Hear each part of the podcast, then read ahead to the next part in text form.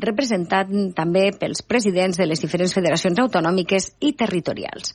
I fins aquí les notícies en xarxa.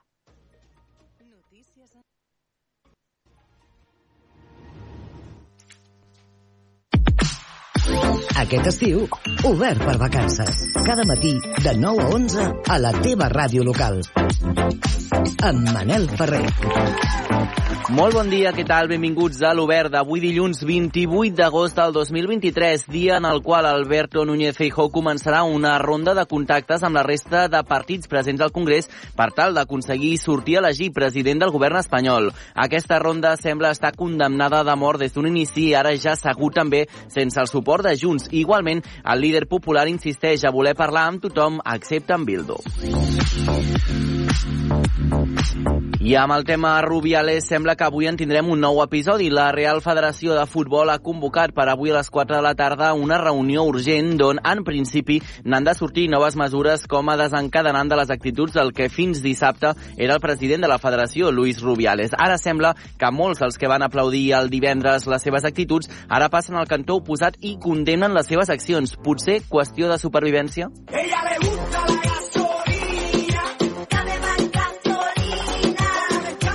I avui, aquesta setmana, comença l'operació tornada de vacances i els que viatgin en cotxe es trobaran que els carburants s'han posat en màxims anuals. De fet, al llarg de pràcticament tot l'estiu han estat pujant cada setmana. El gasoil ha pujat un 14,5% i la gasolina un 8% des dels principis del juliol. La mitjana de preus de Catalunya marca que la benzina de 95 ha acabat la setmana a gairebé 1,73 euros, tot i quedar lluny de la forta pujada que es va produir en plena crisi en els seu preu encara en el 7% superior al dia en el que va esclatar la guerra. El mateix passa amb el gasoil, que està a 1,6 euros, un 6% més que el febrer del 2022.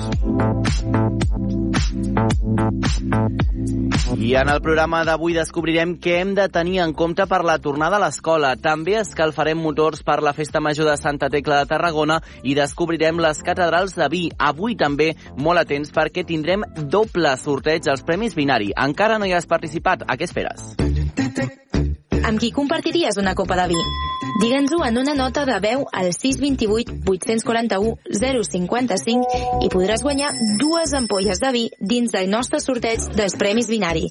Cada setmana hi ha un nou guanyador.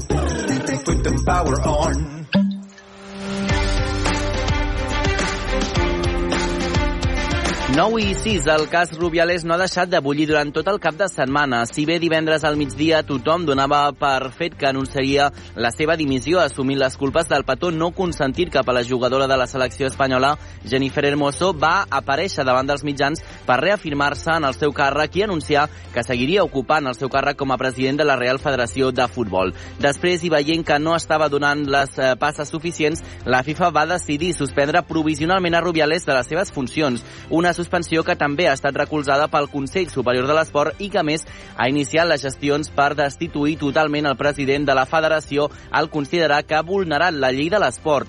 Una de les primeres veus que va sortir al pas per condemnar el petó i les accions de Luis Rubiales com a president de la federació va ser Ruth Guerrero, presidenta del Centre d'Esports Manresa, un equip que juga a segona a la Lliga de la Reial Federació Espanyola. Bon dia, Ruth Guerrero, i gràcies per atendre'ns. Hola, bon dia i gràcies a vosaltres. Quina valoració en fas de les declaracions i també de la no dimissió de Rubiales? Recordem que va posar en dubte el feminisme i que va fer servir arguments que donaven a entendre que hi havia un consentiment per part d'Hermoso quan ella ja ho ha desmentit. Et sorprèn que ell mateix no dimitís i també la pressió doncs, que es va fer cap a la jugadora i també cap al seu cercle més proper? En la meva opinió, el senyor Rubiales va perdre una oportunitat eh, de disculpar-se adequadament, admetent que havia comès un error, eh, greu, òbviament, i, i en definitiva assumint la responsabilitat que s'esperava del màxim dirigent del futbol espanyol. Però bueno, va optar per presentar-se com una víctima i posar el focus de la culpa sobre la Jennifer Hermoso i és molt greu eh, a l'Assemblea eh, va manipular els fets per justificar-se, eh, es va victimitzar i, i va buscar la complicitat eh, en ells i les assembleistes. I, i bueno, pues que les conductes sexistes, discriminatòries i d'abús de les que hem sigut testimoni vinguin per part de qui hauria de prevenir-les i, i denunciar-les, doncs és, és molt preocupant. Òbviament després de la seva exposició davant l'Assemblea de la Federació Espanyola de Futbol no em sorprèn que no dimitís i, i em preocupa moltíssim que s'hagin produït mesures de pressió contra la pròpia jugadora mm -hmm. com la que ella mateixa va posar de manifest amb el, amb el, comunicat, amb el comunicat que va emetre divendres eh, que la FIFA hagi pres la mesura d'inhabilitar-lo provisionalment em sembla del tot encertat i, i necessari i confio que des del Tribunal Administratiu de l'Esport s'emeti dilluns una resolució en la mateixa línia. I Ruth, pel que fa a la Federació Catalana de Futbol, a casa nostra, quina valoració en fas també del posicionament que han tingut durant aquests dies? Bé, eh, la Federació Catalana de Futbol emet ahir un comunicat que per mi és eh, insuficient eh, no és prou contundent en la censura de l'actitud la, que va tenir el senyor Rubiales durant, durant la final i òbviament respon només a, al comunicat que, que, que ha fet la FIFA eh, que va fer el dissabte eh, doncs, eh, amb la suspensió provisional de, de Rubiales en tots els seus càrrecs a, en l'àmbit en l'àmbit esportiu. A mi em sorprèn també que eh, perquè, perquè realment eh, sí que els clubs hem, hem, hem rebut eh, que tant el senyor Soteres com, com la directiva eh, censuraven, eh, censuraven aquesta conducta i que d'alguna manera esperaven dimarts a reunir-se per fer un comunicat oficial envers, envers el tot el que ha passat, que també entenc que, que ho hagin de fer d'aquesta manera. De fet, eh, en mitjans comarcals, el delegat del Bages, eh, jo crec que va ser prou clar eh, condemnant, condemnant l'actitud que havia tingut eh, el senyor Rubiales i les jugadores estan imparables i ja han anunciat que no jugaran a la selecció fins que canvi la directiva. Això és eh, la gota, entenc, que ha fet vessar el got que fa anys que s'omple. Existeix un silenci cap al tracte que se'ls dona a les jugadores des de fa anys? Ahir precisament en parlàvem amb una gran amiga que fa molts anys que forma part del futbol femení, primer com a jugadora i ja més recentment com a entrenadora i que participa també en diversos mitjans de comunicació en aquest àmbit. I em va fer veure que el missatge d'unitat que s'ha traslladat al món per part de les pròpies jugadores de la selecció, del futbol femení mundial, de les institucions i d'altres disciplines esportives i fins i tot el posicionament d'alguns jugadors i exjugadors eh, era impensable fa uns anys. De fet, no fa ni un any eh, que, que 15 jugadores de la selecció envien aquell famós correu a la Federació Espanyola de Futbol expressant la seva voluntat de no ser convocades per la selecció si no hi havia canvis i se les va tillar eh, de ninyates capritxoses que volien carregar-se el seu entrenador.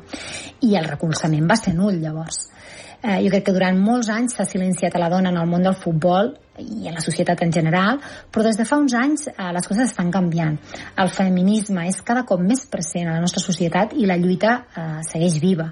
Eh, queda molt per fer, però cada cop som més les que alcem la veu en contra de qualsevol forma de discriminació o violència contra les dones. I Ruth, veient tot el que ha passat, es pot dir que el protocol d'assetjament de la federació no està funcionant?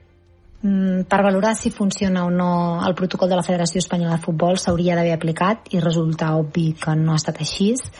Eh, I per mi el principal problema és que l'assetjador i abusador no creu que la seva conducta ho sigui i l'instrument que regula la prevenció, detecció i actuació en aquests casos eh, doncs no s'activa perquè ell n'és part activa a, a, en el procediment d'iniciació. Penso que s'ha de treballar per fer un nou protocol en el, qual, en el qual siguin agents externs a la pròpia Federació Espanyola de Futbol els que rebin les denúncies quan aquestes vagin adreçades a personal directiu i amb poder de decisió. I gairebé per acabar, alguns de jugadors homes han tret la cara per les seves companyes, però de moment només un ha renunciat a jugar amb la selecció fins que tot canvi, perquè hi ha tant silenci per part de la resta de jugadors, sobretot homes.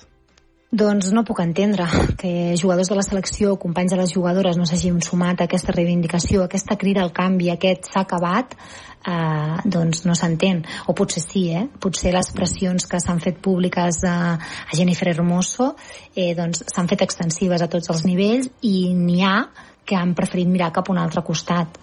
Eh, el comunicat de divendres, de divendres a les 12 de la nit de la Federació Espanyola de Futbol continuava justificant una conducta totalment reprovable i proferia amenaces contra la principal víctima de tota aquesta història.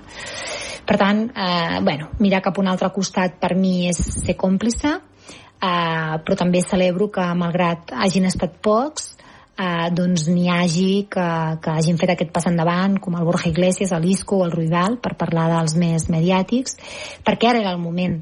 Eh, I precisament perquè ara era el moment eh, no puc entendre que els altres, eh, que molts altres no ho hagin fet. Doncs moltes gràcies, Ruc Guerrero, presidenta del Centre d'Esports Manresa, i fins la propera. Moltes gràcies a vosaltres per continuar donant-nos veu eh, seguirem lluitant, avui amb més ganes que mai, per erradicar qualsevol forma de discriminació, de violència contra les dones i no en tingueu cap mena de dubte. Eh, les dones hem vingut al futbol a quedar-nos i hauran de tenir-nos en compte.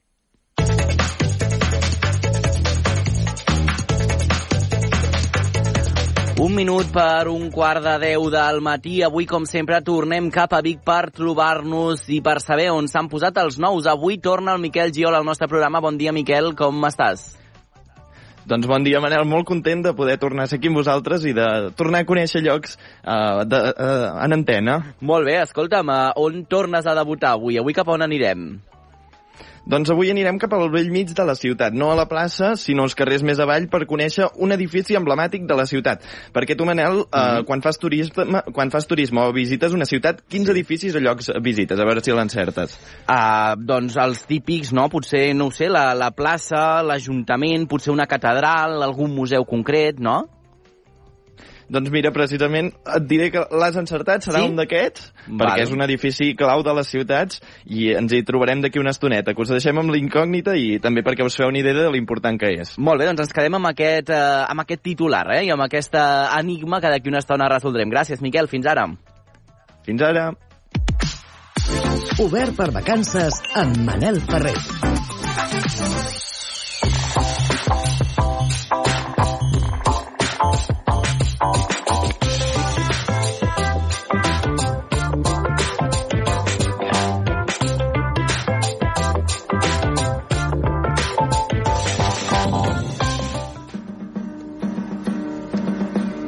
L'estiu s'acaba, toca deixar les platges, anar-se'n a dormir tard per tornar a la rutina i a les aules i, per tant, matinar. I és que el calendari escolar queda de la següent manera. Les classes començaran el dimecres 6 de setembre, infantil, primària, ESO i batxillerat, mentre que la formació professional començarà el 12. Bon dia, Àngel Hernández. Tens tot a punt per tornar a l'escola? Molt bon dia, Manel. Com estem? Molt bé, i tu? Bueno, doncs la veritat que tornar a l'escola ja no, perquè fa bastant de temps que ja vaig deixar d'estudiar, si més no, el batxillerat. La carrera, la veritat que és que fa poc. I doncs sí, com comentaves, la data de tornada al col·legi arriba després d'una gran polèmica nascuda arran de l'avançament escolar, que com has començat, a començarà serà el dia 6 de setembre, però també per la implantació de la jornada intensiva en el mateix mes de setembre. El professorat sempre s'ha mostrat contrari a aquestes mesures preses per l'exconseller republicà Josep González Cambrai, que atenció, va ser destituït a principis d'estiu mm. pel president aragonès. L'avançament escolar és una realitat, tot i que finalment la jornada intensiva en setembre amb activitats no lectives i voluntàries a la tarda doncs ha caigut. Però això no ha impedit que l'estiu acabi, arribin les pluges i els nens i joves tornin a les esperades aules. I tu patiràs i per parlar de l'esperada tornada a l'escola per molts pares i la temuda per molts alumnes, tenim amb nosaltres el Sergi Sabater, director de l'Escola Planes i Casals de Badalona. Bon dia, Sergi, com estàs? Hola, bon dia. Durant les primeres setmanes eh, noteu com als nens i nenes encara els hi costa una mica trencar amb les rutines d'estiu i tornar a enganxar-se amb les rutines escolars? Eh, com ho noteu, que els nens encara no han fet aquest, aquest canvi de xip? Bueno, depèn de les edats, mm. però hi ha, hi ha nens que realment aquest canvi potser el que es nota és, és amb, la, amb la dificultat de seguir disciplines horàries.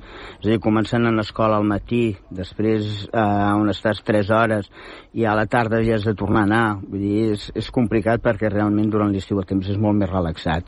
Doncs a l'escola costa més agafar aquestes rutines i aquests ritmes. I després també, eh, Sergi, hi ha el gran mite doncs, que els professors sempre comenceu el curs doncs, abans per planificar les classes. I sempre pensem què faran els profes abans eh, de nosaltres anar. Eh, ara que tenim aquí eh, amb nosaltres, tenim l'oportunitat la perfecta per preguntar-t'ho què feu allà, què planifiqueu? Vejam, precisament aquest any és un any on tot això entra molt just, molt amb calçador i realment tenim, o hem tingut molt poc temps per fer tota aquesta feina. Llavors hi ha, diguem-ne, uns pilars que, que cada centre ja té establerts, que són les programacions que d'alguna manera ja estan marcades en el centre, però s'ha d'acollir professorat nou, s'ha d'estar amatent a tenir tot el professorat a punt, i aquest professorat també ha de preparar l'adaptació en el centre i en els seus nous alumnes i totes aquestes feines, a part de posar en marxa en l'escola que ha estat tancada durant un mes i mig. Llavors, tot això s'ha de posar en marxa en molt poc temps. La feina que es fa és aquesta feina de preparar l'acollida, de preparar que tot estigui a punt per l'arribada dels alumnes. Uh -huh. I aquest any, precisament, només tenim això, tres dies i escàs per poder-ho fer. I ara que es torna a l'escola, la majoria d'alumnes eh, passen de curs, però també n'hi ha d'altres que han de repetir.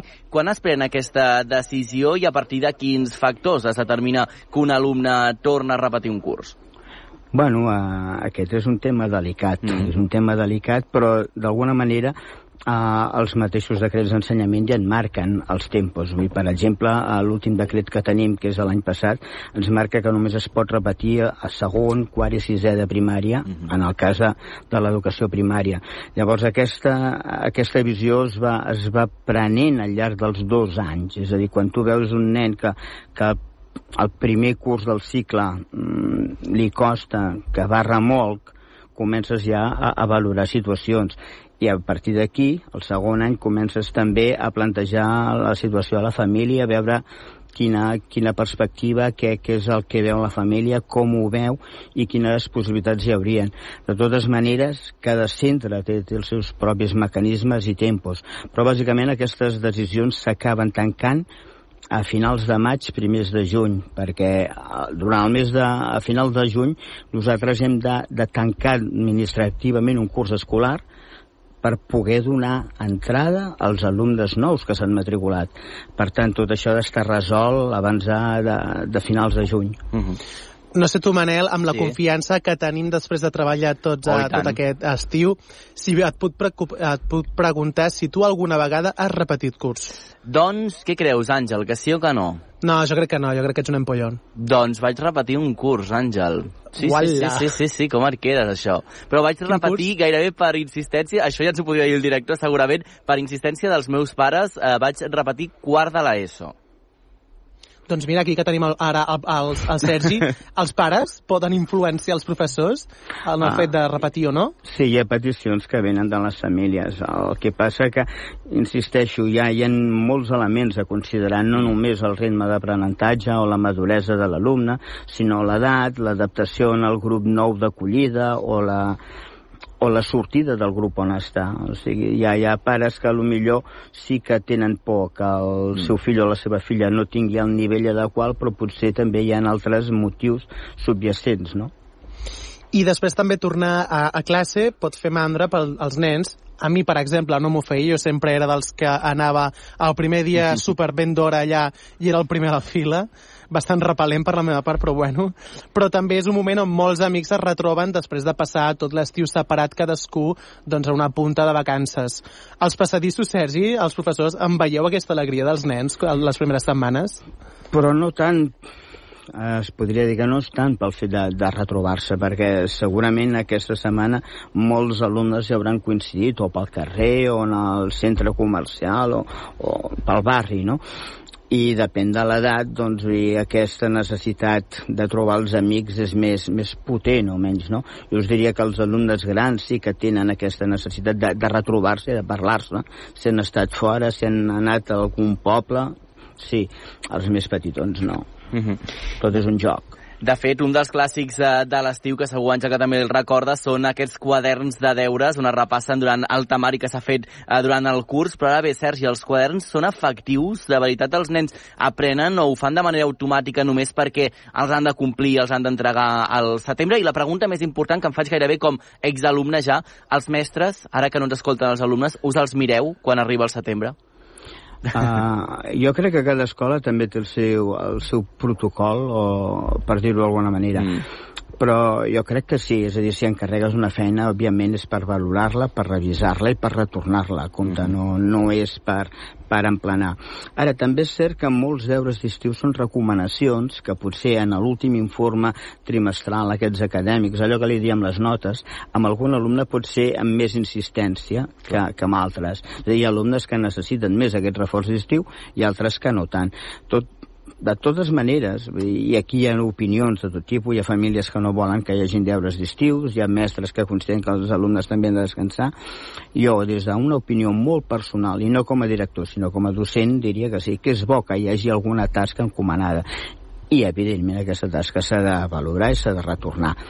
Altrament, els alumnes de, de sisè que entren a primària, ah, perdó, que entren a secundària, sí que tenen un, un, uns deures d'estiu que haurien de computar com a avaluació inicial en la secundària.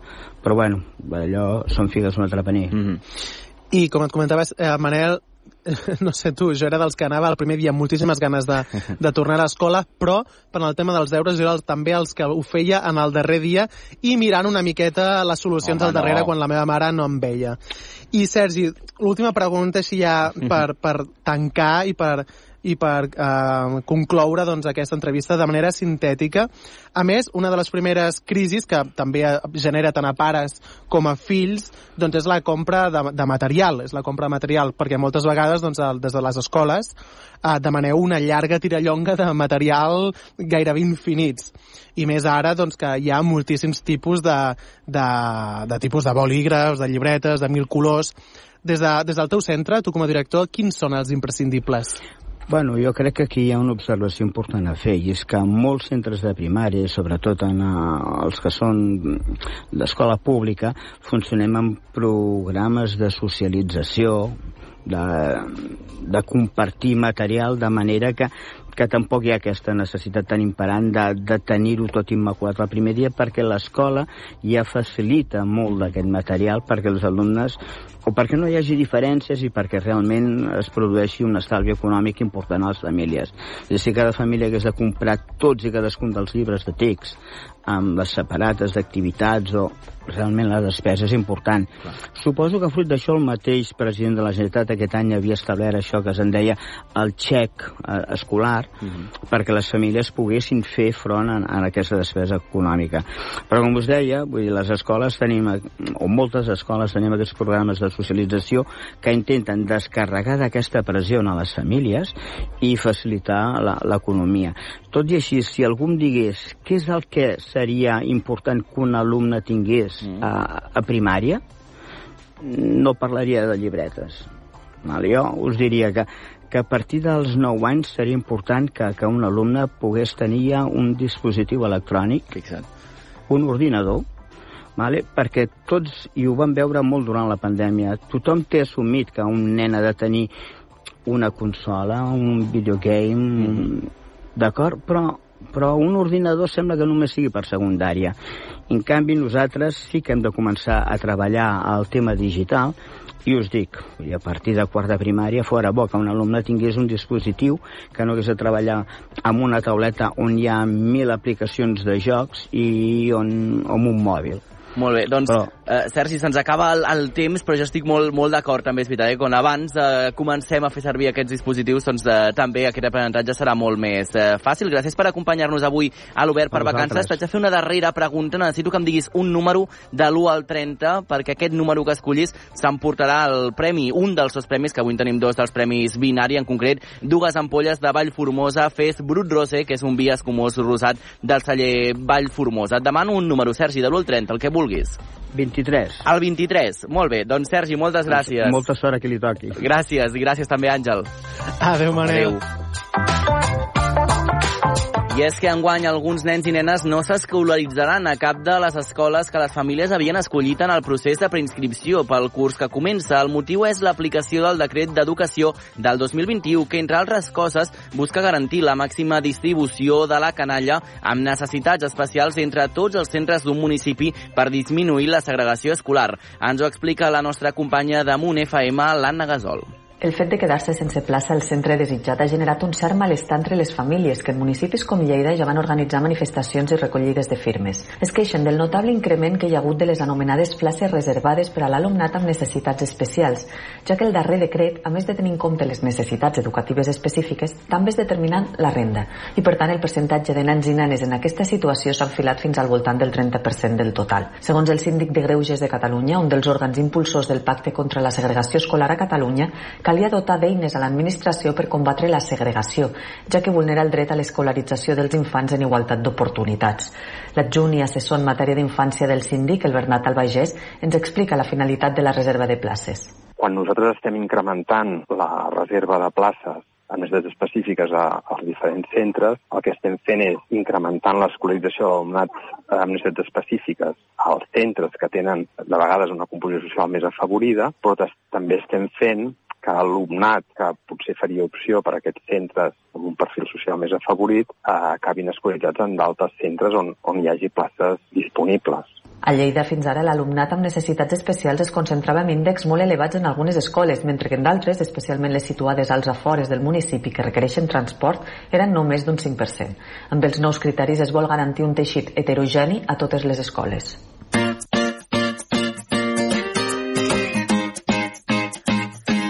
Dos quarts de deu gairebé del matí, Tarragona ha engegat ja el compte enrere per viure les festes de Santa Tecla que se celebraran del 12 al 24 de setembre. Són múltiples activitats i espais on no hi faltaran els concerts, les cercaviles amb els elements del ric seguici popular, la mamadeta, que és la beguda oficial i que ja hem conegut en aquest programa, la multitudinària baixada de l'Àguila o els castells. Es faran dues setmanes, dues grans diades castelleres, del primer diumenge de festes i la de Santa Tecla. I avui per conèixer tot plegat la singularitat de les festes, els pilars caminants. Nosaltres hem de saludar ja mateix el nostre company Josep Sunyer. Bon dia, com estàs? Bon dia, bon dia, Manel. Doncs mira, a, a la plaça de les Cols, eh, el lloc, un dels llocs emblemàtics, i, mm -hmm. i, i doncs sortiran aquests pilars caminant el dia de la Mercè, eh? per tant, en un lloc privilegiat i molt ben acompanyat. Eh, a veure, qui t'acompanya? Jo em presento, la, la Sara sí. Garcia de, del Xiquet de Tarragona. Sara, què tal? Bon dia. Hola, bon dia. Ella ha fet, eh, fa de terç el Pilar caminant. També s'acompanya la Maria Reseco de la Colla Jove, que també fa de terç. Maria, què tal? Bon dia. Bon dia. I aquí també estan pare i filla, el Josep Maria Galla i la Marina, que fa de segon i, fan de segon i tercer el Pilar del Xiquet del Serrallo. Què tal? Molt bon dia. Bon dia. Bon dia. Bon dia. I, i gairebé podíem fer un Pilar, Manel, perquè sí? tenim també els baixos, eh? Ah, molt bé. El Carme Rugat i el Raúl Varela, que són els baixos de les Castellers de Sant Pere i Sant Pau. Bon dia. Bon dia. Bon dia a tots. Tenim les quatre colles. Escolta'm, el... Faltes tu per fer, per fer d'enxaneta, Manel. Exacte, ui, jo crec que acabaria malament això, eh? El Pilar de 4 puja i baixa les escales del Pla de la Seu, on sou ara, i que enfila el carrer Major avall i desafia el fort pendent de la baixada de la Misericòrdia i resisteix també al cansament quan recorreu tota la plaça de la Font. Com es viu tot plegat des de dins? Eh, jo crec que és molt emocionant, a part també eh, crec que és molta responsabilitat eh, al final el Pilar caminant tota la colla espera que arribi i el podem fer uns pocs mm -hmm. Suposo que et passes tota la temporada esperant a poder-lo fer a que et triïn a tu, no? I, no ho sé, responsabilitat. Bueno, al final és com una actuació més mm, important, per així, per així dir-ho, aquí a les colles de Tarragona i, i no deixa de ser un castell important, encara que sigui un pilar caminant, no deixa de ser un castell important per la colla. Jo crec que aquesta diada és important perquè pots fer una temporada molt bona, però que no arribi el Pilar és una, un, una cosa que, que dius, ostres, no hem acabat de fer una temporada completa. Josep Maria és el, el acabar, acabar bé les festes, no? acabar de ficar cirereta perquè per celebrar el que és el, el que ha anat la Santa Tecla, els dos castells anteriors del Pilar caminant el dia de Mercè i poder arribar fins a la, fins a l'Ajuntament i que arribin les quatre colles, pues, molt, molt millor. Pensa, Manà, que són 500 metres, mm. eh, des d'aquí. Eh, Déu-n'hi-do. Doncs sí, que són... Eh, el fa molt ràpid, eh? 10, 9, 10 minuts. I quin és per, per vosaltres el moment del Pilar? No aquest recorregut, eh, quin diries que és el moment? Per mi quan pugem les escales i just girem, que fem la volta i tota la plaça aplaudeix i, i ja comences a enfilar el carrer cap a baix. Aquest mm -hmm. és un dels millors moments. Home, doncs això és, eh, sembla eh, preciós bueno, jo... de viure-ho, eh? Digues, digues. No, que jo trobo que també el moment especial és l'entrada a la plaça i, i ja enfilar cap a l'Ajuntament i notes tot l'alè de la gent que hi ha allí. Mm -hmm. Per tu? El moment, el moment més especial, quin és per tu? Quan, quan entres a la plaça de la Font i veus a tothom i suposo quan arribes i et pugen amb la faixa. I per tu, Sara? Eh, per tu, Maria? Eh, jo estic amb la Marina, també crec que és la plaça de la Font, l'entrada. Mm -hmm. De fet, hem de dir, Josep, que uh, veniu d'un Sant Magí amb els objectius uh, complerts per les quatre colles. No sé com es presenta també Santa Tecla, aquest nou assalt. Doncs jo crec que van, van, a, van a tope, eh? Sí, Esperant, eh? suposo que no pugui, com ahir que van haver d'actuar a l'Arbós alguna colla a l'interior de la catedral. Mira, avui tenim la catedral oberta, no sé si és un persagi o què, però no, de moment som aquí fora. Eh, però Santa Tecla a, a per totes, no? Sí, jo crec que totes les colles anem amb els millors castells que tenim. I vosaltres? Sí, després de, del Sant Magí pues, toca una bona Santa Tecla i crec que estem a punt i preparats per fer-ho bé. El mateix, s'han d'acabar de consoli- consolidar tots els castells que ja tenim, pues, acabar de que siguin ferms. Sí, igual, vam, vam sortir d'un Sant Magí que vam anar tots, totes les colles a màxims, van, crec que poder pilar lo- tot el que es veia dels assajos i ara començar els assajos aquesta setmana una altra vegada i, i tornar a portar alguna millor que, que Sant Magí. Eh, mira, pensa, pensa Manel, que Sí. el, clar, el Pilar de 4 camina, eh? per tant, Clar. i de tant en tant, si algun, algun cas fan algun canvi de peu de sota. Eh, els que van dalt veuen, veuen la gent al públic, veuen el, el recorregut, però eh, us vull preguntar, teniu algun punt de referència? Mireu al públic, com ho feu quan aquest recorregut? Eh, quin punt de referència teniu durant aquests 500 metres? Jo el vaig fer l'any passat només, encara no tinc els punts gaire clars. El que vaig fer és mirar amb un pare que es va ficar davant del Pilar i jo el seguia amb ell. Jo és el primer any que faig el Pilar caminant i no ho sé, suposo que li diré a algú que es fiqui davant per anar-lo mirant o buscaré algun punt fixe mentre anem caminant. A mi em va molt bé mirar o parets o algo que no es mogui, perquè el públic es mou, la gent es mou i això al final desconcentra i el millor és mirar un punt d'una paret on no es mogui res i ja està, i Mhm. cap endavant. Els que aneu baix ho teniu més difícil, eh? Sí, els que anem baix eh, eh, es posa davant un, un que ens guia perquè anem sempre al, al mig del carrer i no ens desviem cap a la dreta o cap a l'esquerra i mirem a aquest punt, eh, alça el braç i mirem el braç. Doncs, eh, escolta'm, és una experiència única. Jo crec que, eh, Pep, això s'ha de, de viure en persona, eh? Perquè per la ràdio és veritat que ens estan donant moltes ganes, però viure-ho en persona deu ser una experiència única. Sí, sí, uh, única i a més a més atrau moltíssima gent. Pensa que al final de festes, per tant, això s'omple, el carrer Major s'omple, la de Font s'omple i al final hi ha un moment que és molt emotiu. Al final esclaten totes les colles, eh? les Mm. quatre quan arriben al moment d'enlairar-se, perquè s'enlairen després amb la faixa cap amunt, eh? la- l'enxaneta i, i el Brutal. terç, no? generalment, depèn de la colla, eh? però l'enxaneta segur, i aquell moment és un moment d'esclat, de celebració Brutal. i també de cloenda de festa, de, de molts dies d'esforç. Eh? Mhm. Eh, clar, són I, dies. I aquest any és diumenge, o sigui que, Ah, clar. això És estarà... Sí, sí. Escolta'm, Pep, necessito que m'ajudis des d'allà, des de Tarragona, i que de tota la gent que estem m'aconsegueixis, eh, tota la gent que estem entrevistant avui, un, eh, una mà innocent, o una veu innocent en aquest cas. Qui tu Home, vulguis. innocent, agaf- agafem la, la més jove, Va. agafem la, la, la, la, més jove, que és, sí, la, Uh, doncs la mà innocent ja la tenim, que uh, just és ella, A veure. la Marina. La, és, és la mà innocent. De fer la Marina? Marina, mira, m'has de dir un número de l'1 al 30, el que tu vulguis, perquè serà el guanyador o guanyadora del Cabrilla 2020 de Garnatxa Negra, que és el gran binari d'or i és del celler Capçanes, que és el nostre segon premi dels premis binari d'avui. Marina, un número de l'1 al 30, el que tu vulguis. El 25. El número 25. Molt bé, doncs ens quedem amb això i quedem tots emplaçats, Pep, a veure'ns aquest cap de setmana. Sí, i de, deixa'ns dedicar la- l'entrevista, jo crec que estarem d'acord eh, també amb la, amb la companya, amb la, Sí.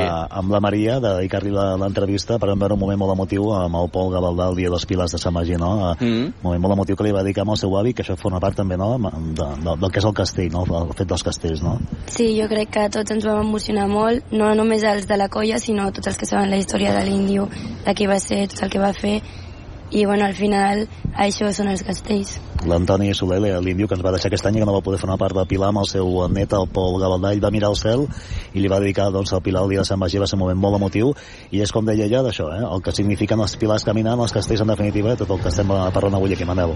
Molt bé, doncs ens quedem amb això i quedem emplaçats també a veure aquests castells. Gràcies a tots. Fins ara. Adéu. Adéu. Adéu. I és el moment de conèixer un nou episodi de les cartes d'Hèrcules Poirot. En el capítol anterior, el doctor Gombrén confirma que la pols blanca trobada al cos de Vicenç Pastor és penicilina. Poirot està parlant amb ell quan el tercer s'escolta el tercer tret de nou a l'abrollador. Mossèn Pere Jaume està ferit i inconscient. Al seu costat hi ha l'arma del crim, una pistola antiga que és, un, que és d'un dels hostes que va comprar a un col·leccionista de Ripoll fa una setmana. Es tracta de Joan Estivill.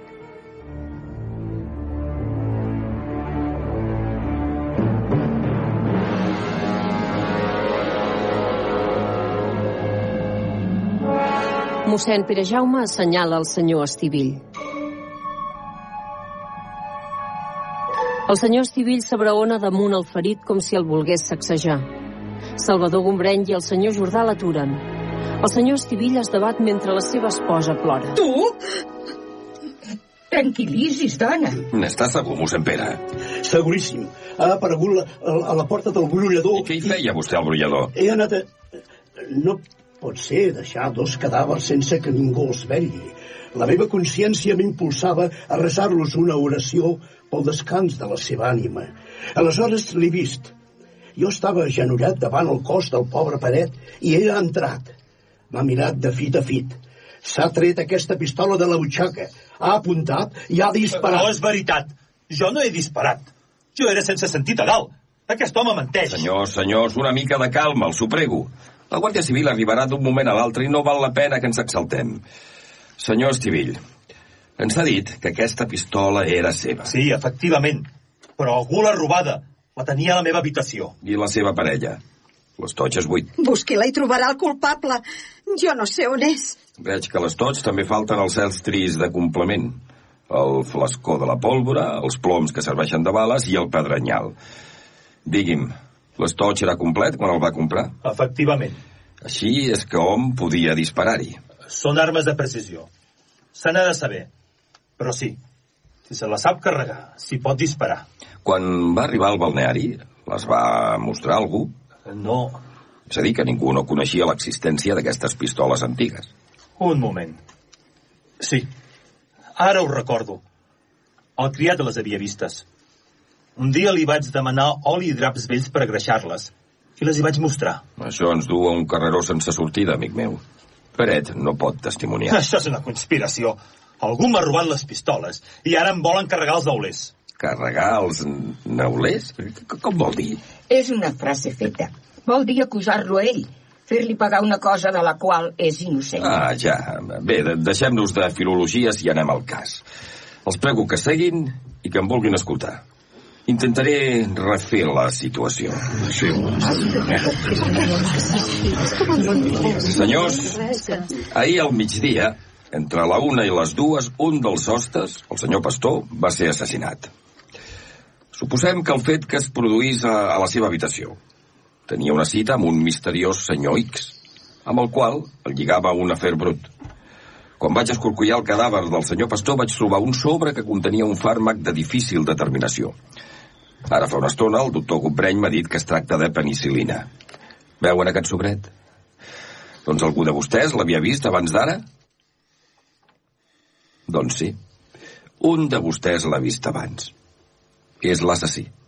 Perquè certament aquesta penicilina és el mòbil dels crims. I quina relació té aquest remei amb els assassinats? Em sembla que desbarra. Que potser estava malalt, el senyor Pastor. Això és el primer que vaig pensar. Però el doctor Gombreny m'ha explicat que no és possible, que la penicilina només s'usa en tractaments de xoc, prèvia recepta i sota control. No és així, doctor? Efectivament. Dubto molt que la víctima prengués aquesta mena de medicament. A més, el doctor Gombreny m'ha explicat que en el seu país hi ha carestia d'aquest fàrmac, que fins i tot se'n fa contraband. No és veritat, doctor? Sí, sí, tots els metges ho sabem. Hi ha un mercat negre de penicilina. Es compra als Estats Units i s'entra de contraband via Andorra. Això m'ha fet pensar. Andorra és aquí mateix. El pas de la Guineu i mena sense haver de passar la frontera. Veritat, senyor Jordà? Sí, mentre no hi hagi neu.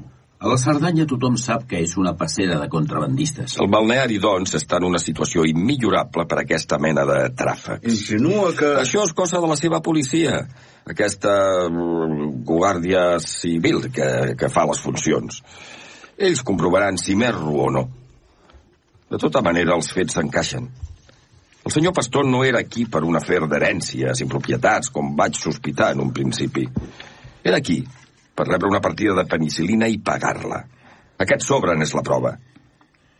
En totes aquestes tràfiques, el comprador sempre vol comprovar si la mercaderia és de qualitat. La reunió a l'habitació del mort amb el misteriós senyor X era per fer l'intercanvi. Però el senyor X es va estimar més quedar-se la mercaderia i els diners i va matar el senyor Pastor. Aleshores, Peret, el criat, va transportar el cadàver al brollador. Per què?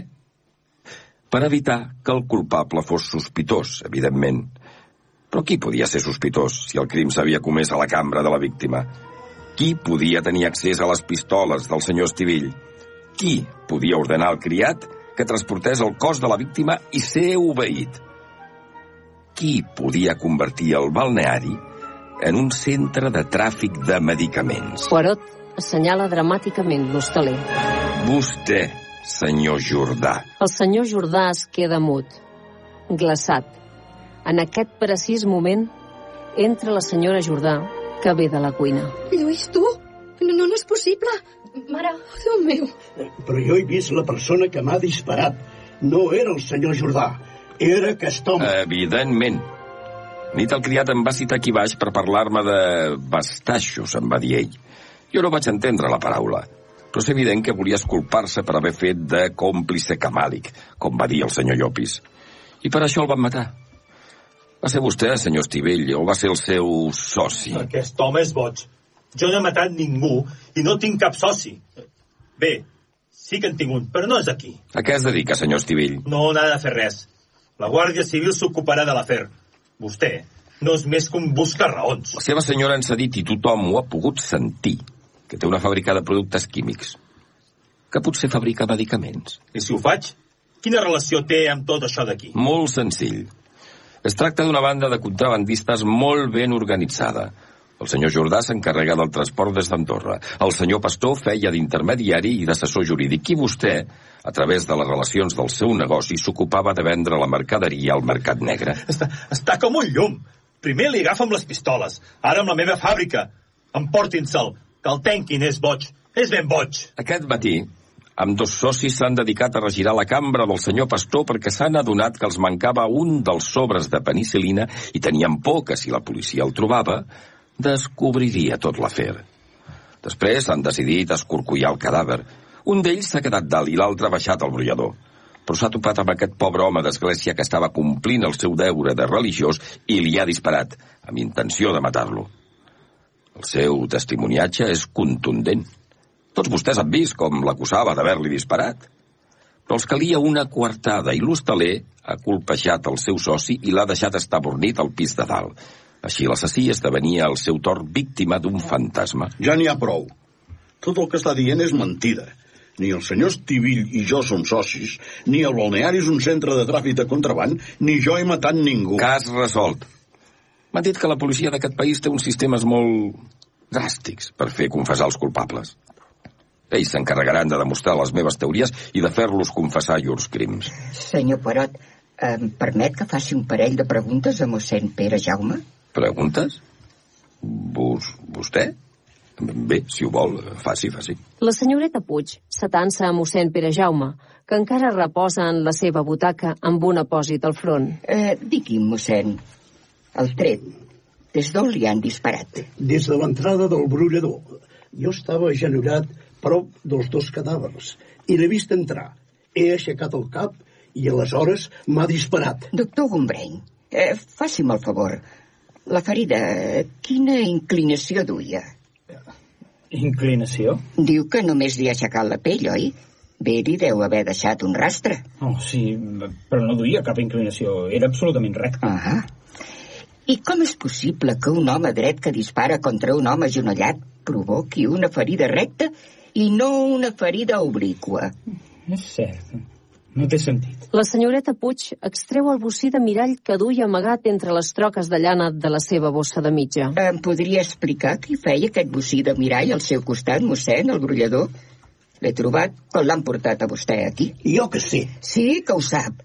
Eh, senyor Poirot, Podria agafar un moment la pistola? Eh, sí, però baixi alerta, hi pot haver empremtes digitals. Aniré alerta. La senyoreta Puig agafa la pistola, embolicada amb el mocador de Poirot.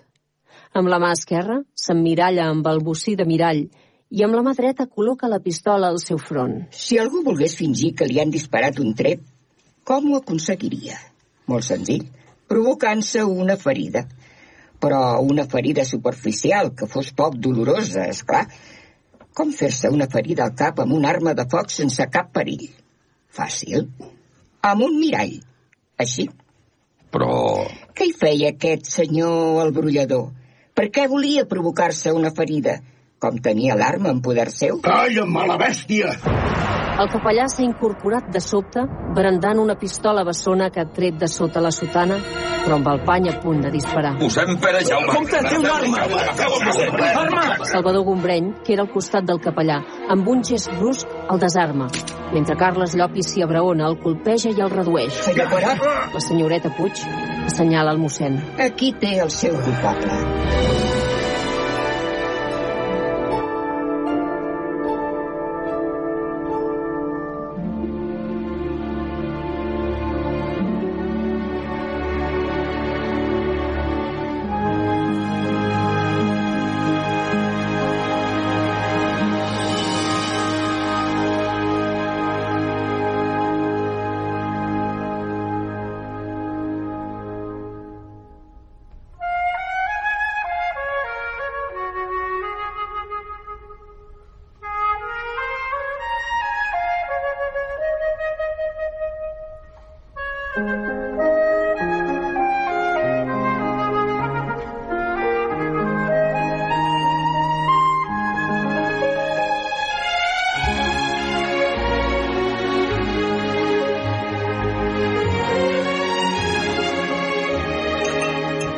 Al menjador de l'hostal.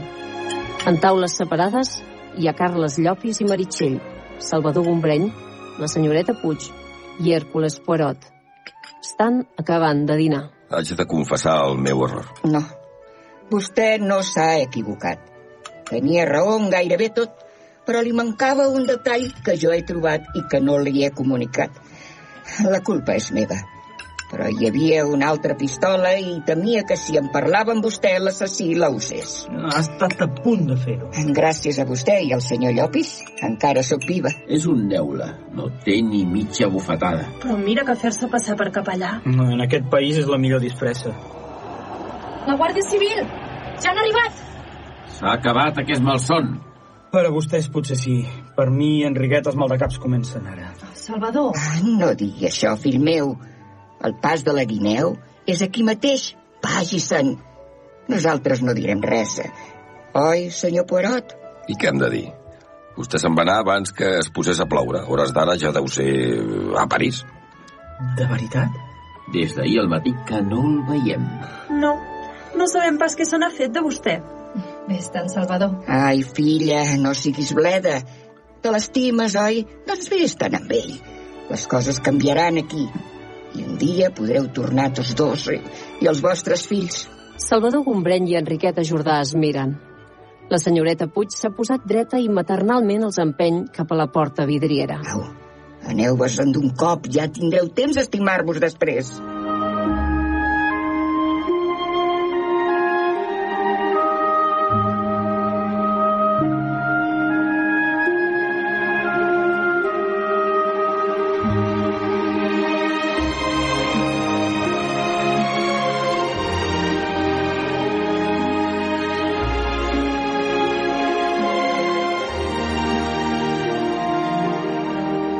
Pels finestrals de la sala d'estar entra un sol de tardor que enamora.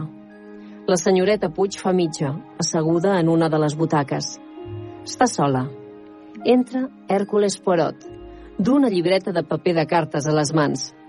S'asseu prop de la seva amiga. Un dia esplèndid. Però sembla que comença a fer fred. Aquesta nit ha nevat als cims. Les vacances s'acaben i vostè retornarà als seus misteris i als seus èxits. Els meus èxits. Quin fracàs més estrepitós.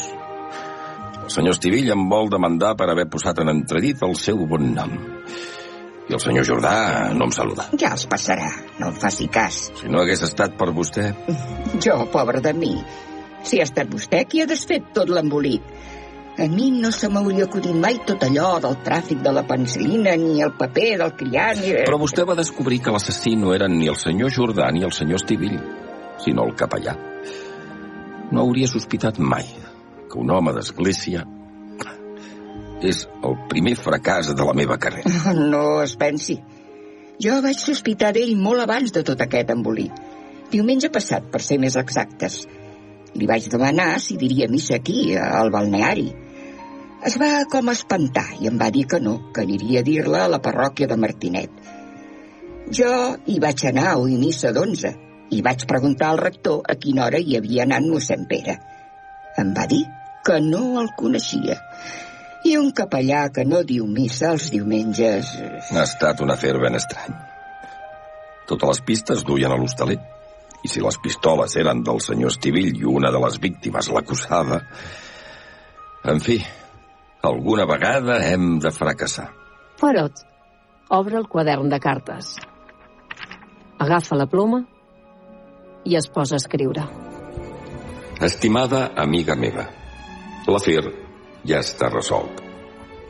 Ahir, la policia rural, que aquí anomenen Guàrdia Civil, va endur-se les víctimes i l'assassí.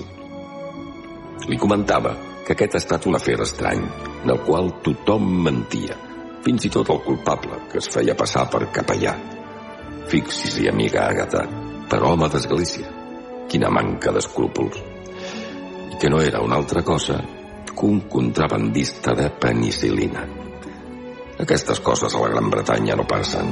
Al seu país, que és el meu d'adopció, els crims són més complexos, però la gent no menteix com aquí. És clar que som gentlemen i no pagesos.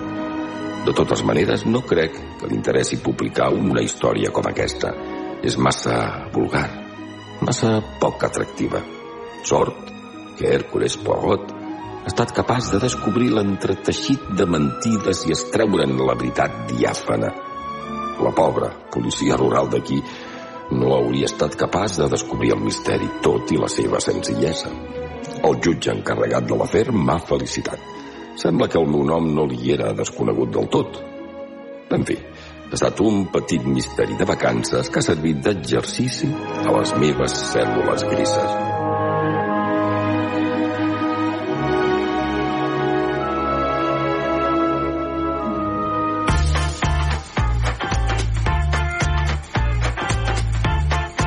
Quin desenllaç, per favor, de les cartes d'Hércules Poirot, que per cert podeu recuperar sencer a la xarxa més. Com ha acabat això? Anna Gasol, bon dia. Oh, Uh, quin mare misteri, aquí hi ha marro, aquí hi ha marro, veig jo, eh? Ja, ja ho han dit, Mossèn, eh? Manel, un mossèn, no exacte, un mossèn que no fa missa un diumenge mm, no és de fiar, no és de fiar, no és de fiar. Escolta, man, estem molt contents perquè no parem de regalar premis. Avui hem regalat dos lots de vins. I tant, dos, no un, dos. Dos, és que et tornes boig, Manel, eh? Sí, sí, sí, una sí, mica sí. i et tornes boig. Clar, ara tinc el dubte de saber qui hi ha darrere del número 23 i el número 25. D'aquí una estona ho sabrem. Ho sabrem, t'hauràs d'esperar als Premis Binari, al seu espai. Molt bé, on seguim recollint respostes, Anna, són a la nostra cançó de l'estiu, que divendres tindrem un nou guanyador guanyadora. I tant, i jo te'n poso una que és molt, molt, molt d'estiu. Mira. Home. Hola, bon dia. La meva cançó d'estiu és la del gelat de Miqui Núñez, perquè és una cançó molt refrescant i quan l'escolto em dona molt bon rotllo. Apa, que tingueu un bon dia. Adéu. I ella també té molt bon Exacte. rotllo, eh? Bella, marxem, tornem d'aquí uns minuts. Fins ara. Fins ara. La xarxa de comunicació local. Nutrició amb Laura Crosses. Menjar fora de casa. Abans de sortir de casa, a mig matí o a mitja tarda, preneu alguna cosa que us eviti arribar amb molta gana al dinar o al sopar, com una peça de fruita, un iogurt o un got d'aigua. Si el restaurant té opció de menú o carta, escolliu un primer d'amanida o verdura o caldo o sopa de verdura o gaspatxo i de segon, carn o peix o pasta o llegum o arròs. Eviteu les guarnicions de patates i si són plats combinats, canvieu-les per alguna opció de verdura i hortalisses. Escolliu coccions més saludables, com forn, planxa, vapor o graella, i eviteu fregits, salses, cremes o mantegues. Amaniu els plats amb oli sense refinar, vinagretes, herbes i o espècies, i eviteu les maioneses, cremes de llet o demaneu sense salsa o portar-la a part. Si menjareu pa i us el porten abans que arribi el primer plat, no el toqueu fins a haver començat a menjar. o agafeu una sola llesca i demaneu que s'enduguin la cistella de la taula. L'aigua serà la beguda de preferència i amb la que començar, que és quan tenim més set. Eviteu begudes alcohòliques o refrescs. Trieu opcions com aigua amb gel i llimona, cervesa sense alcohol, aigua amb gas, vigilant hipertensos o amb aerofàgia o amb colònia irritable, i si voleu una opció de beguda alcohòlica, fer la porció petita com canya o copa. A l'hora dels postres, escolliu les opcions de fruita o iogurt, sobretot si heu menjat força contundent, i eviteu els gelats, pastissos o altres postres làctics com flams o natilles. Si la temptació es pot, compartiu-lo. Si aneu a menjar una cadena de menjar ràpid, eviteu els menús combos, les patates fregides i no useu més d'un sobre de ketchup o maionesa. Si en canvi és una pizzeria, escolliu un lloc on facin les masses fines i trieu les opcions amb vegetals, evitant els embotits com el bacó o el salami i les salses com la carbonara. També podeu demanar de primer una amanida per compartir i saciar-vos i compartir també la pizza. Finalment, és l'època de les tapes i els aperitius. Comenceu pels de baixa aportació calòrica, sípia planxa, pop, musclos, escopinyes, mol·luscs cuits a la planxa, seitons amb vinagre o pernil. També són una bona opció els confitats com els cogombrets o les tàperes o els tomàquets cirerols amanits amb oli d'oliva verge i orenga. Els cruïtés de pastanaga i cogombra amb patés vegetals com hummus o guacamole, les olives amb pinyol o el formatge fresc o tendre per evitar embotits o formatges curats. Eviteu menjar-vos tot el pa o torradetes o bastonets que ofereixen amb cada tapa i no demanar les que contenen excés de greix com el peixet fregit, les croquetes, les mandonguilles, els guisats de carn, les empanades